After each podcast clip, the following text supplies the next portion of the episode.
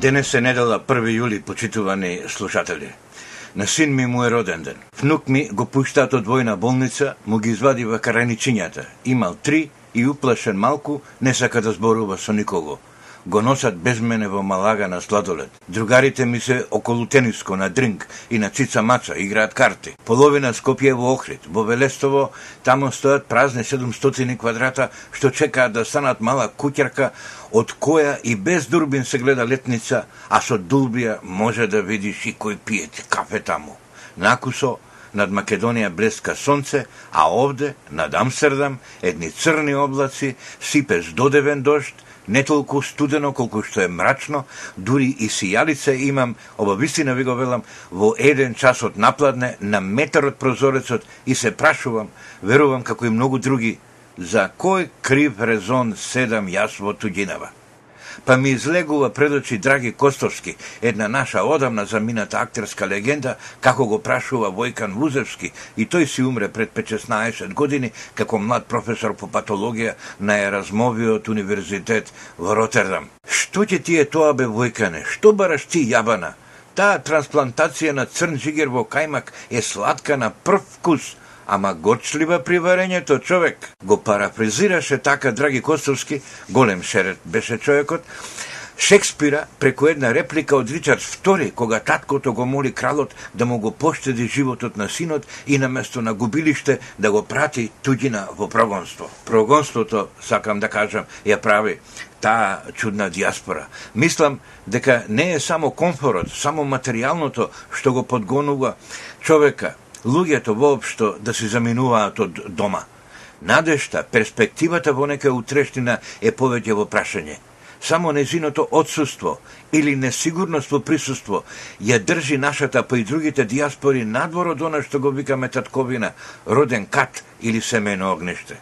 За нас, мислам дека е многу значајно тоа што таа диаспора, циц по миц, од ден на ден, се зголемува од една страна, а од друга некако се поредко се обзрнува назад да види има ли движења кон поарно домани. Може би заради старечко или кокошкино слепило, на мнозина им е тешко да ги видат, ако и кога ги има подобрувањата кај нас.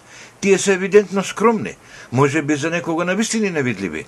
Затоа би рекол дека нам, на македонството, ни недостасува едно сериозно итно преиспитување на кусорочните и среднорочните планови за развижување на совкупниот потенцијал, финансиски, работен, креативен, со кој што располагаме како земја.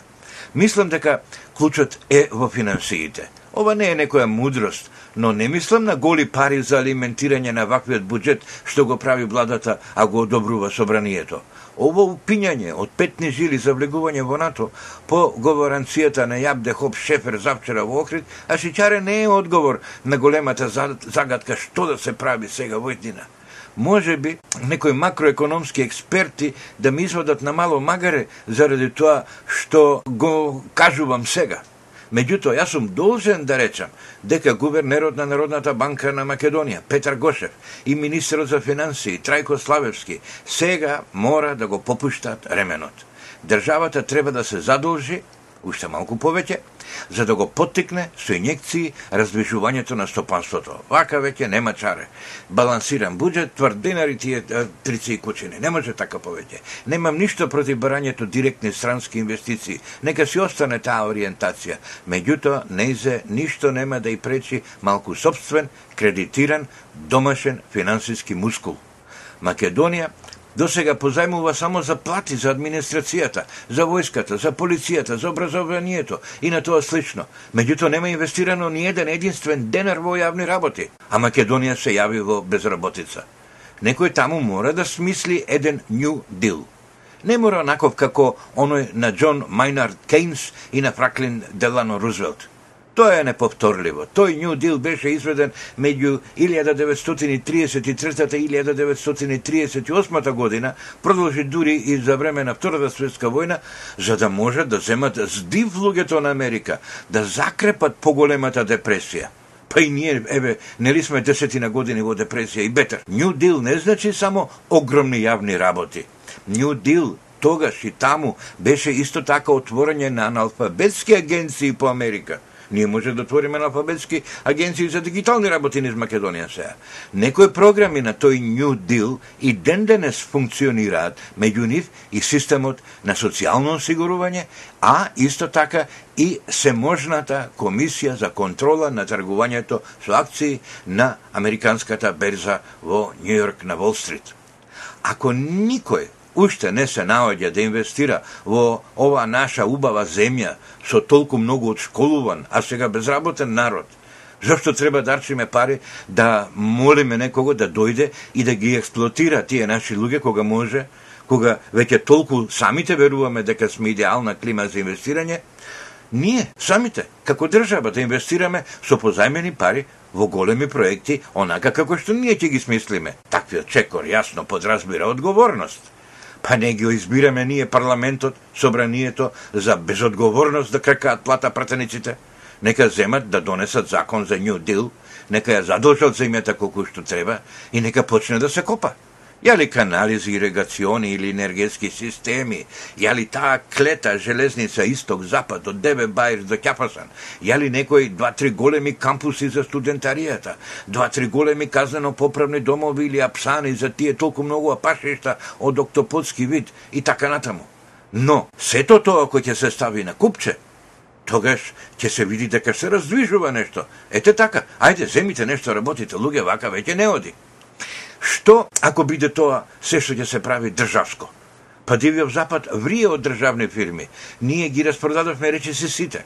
Ако не може да се најде проект што ќе ги врати парите за догледно време, преесапите дали е подобро да се направат проективе и да се развижи целата а, економија на Македонија и да им заличи на потенцијалните инвеститори дека овде има некоја стопанска активност.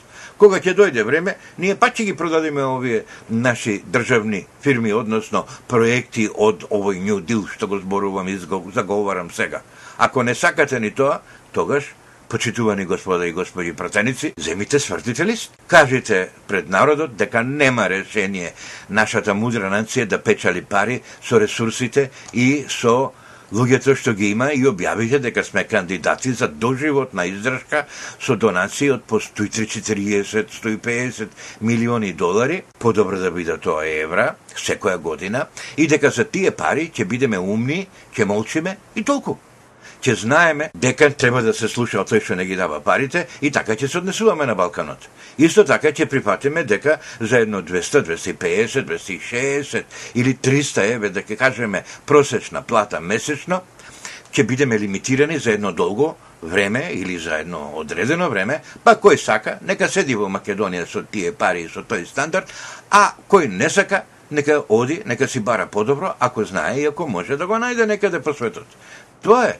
Тоа би било најчесно да се каже. Нека се направи, меѓутоа, една New Deal агенција. Покрај оние големи проекти што ги кажат. Мора да се изградат, да речеме, концепти.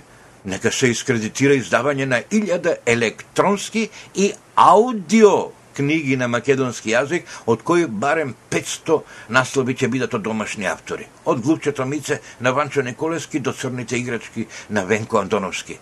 Нека го качат сето тоа на Амазон или на iBay.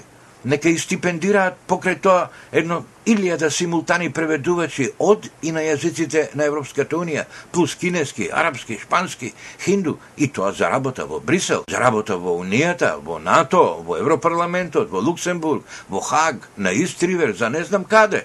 И за дома ни требат, не може со два-три јазика преведувачки сервис да функционира дипломатијата наша со толку амбиции. Сето тоа ќе значи раздвижување, тоа професори, тоа филозофски факултети, тоа семејство да ќе добијат една надеж. Знаете, а, комшике, моето дете еве учи за симултан преводач и ќе оди во Брисел, сега го праќа нашата влада, таму кога ќе се вчлениме во Европската унија ќе им требат многу преводувачи, а тоа учи естонски.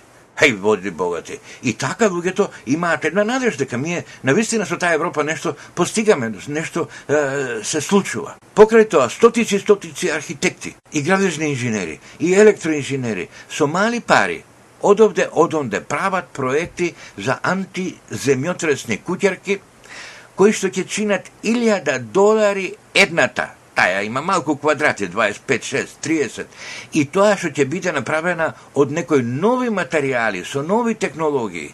И сакам да кажам дека државите, меѓународните организации го финансираат брчењето на таквите идеи. Ако можат тие, зашто да не можеме и ние? Еве, цела Америка се одржуваше со градежната индустрија на база на кредитирана стамбена изградба едно 3-4 години. И Ќоро и Сакато купуваше станови на Жими мајка. Сега е тврдо, ќе пропадне некоја банка. Па што тоа? Еве, Норман Фосер има архитектонски бирој на 150 различни места во светот. Нема во Македонија, ама ние може да направиме барем 3-4 такви бирои кои за 3-4 години да приберат едно 300-400 архитекти, градежници и други инженери да проектираат нови градови, енем Пелагонија, енем Теквесијата, дајте им ледина нека градат на хартија. Погледате го измислениот план со проекција на нулти карбонски град во Абу Даби. Сакам да речам, не може ми е постојано да кажуваме, а тие од Абу Даби имаат пари. Да се ослободиме од тоа мора. Платиме како Норман Фостер, па ќе видите. Не, не, не, не, не, не. Така не.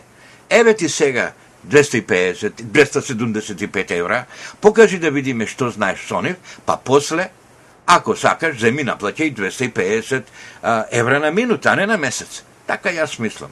Може да не ме слушате воопшто. Мене не ме слуша никој така и така. Еве не ме слуша ни Ѓоре. Ми се смее, ама на Македонија и се плаче, драги сестри и браќа. Еве, Дубна ветре развигорче Атлантикот, ова и друг пат сум ви го кажал, се менува времето овдека на Дивиот Запад многу лесно и многу често, ги растера оловно црните облаци од над Амстердам, блесна сонце и овде. Ама не е само тоа што блеска сонце. Вечер има купче концерти, Фил Колинс со Генезис киде да пее во арена, кај што игра Ајакс фузбал.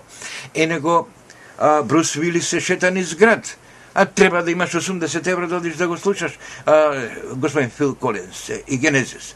Може би ќе отидам до тамо, ако некој слупал ауто, ако не дошол тука, партнерот или партнерката ќе изводи билетот и ќе каже кој сака билет повеќе, а ќе каже еве ти 20 евра ако сакаш. Добро, ако не никому ништо. Ќе си се вратам назад, ќе се напијам едно пипче тамо со тоа а, голтарите што се собираат околу концертите и ќе си доам дома, ќе си го земам Limeware, за джабе или на iTunes за едно евро, ќе симнам што има ново од Фил Колинс, па ќе го слушам тоа дома.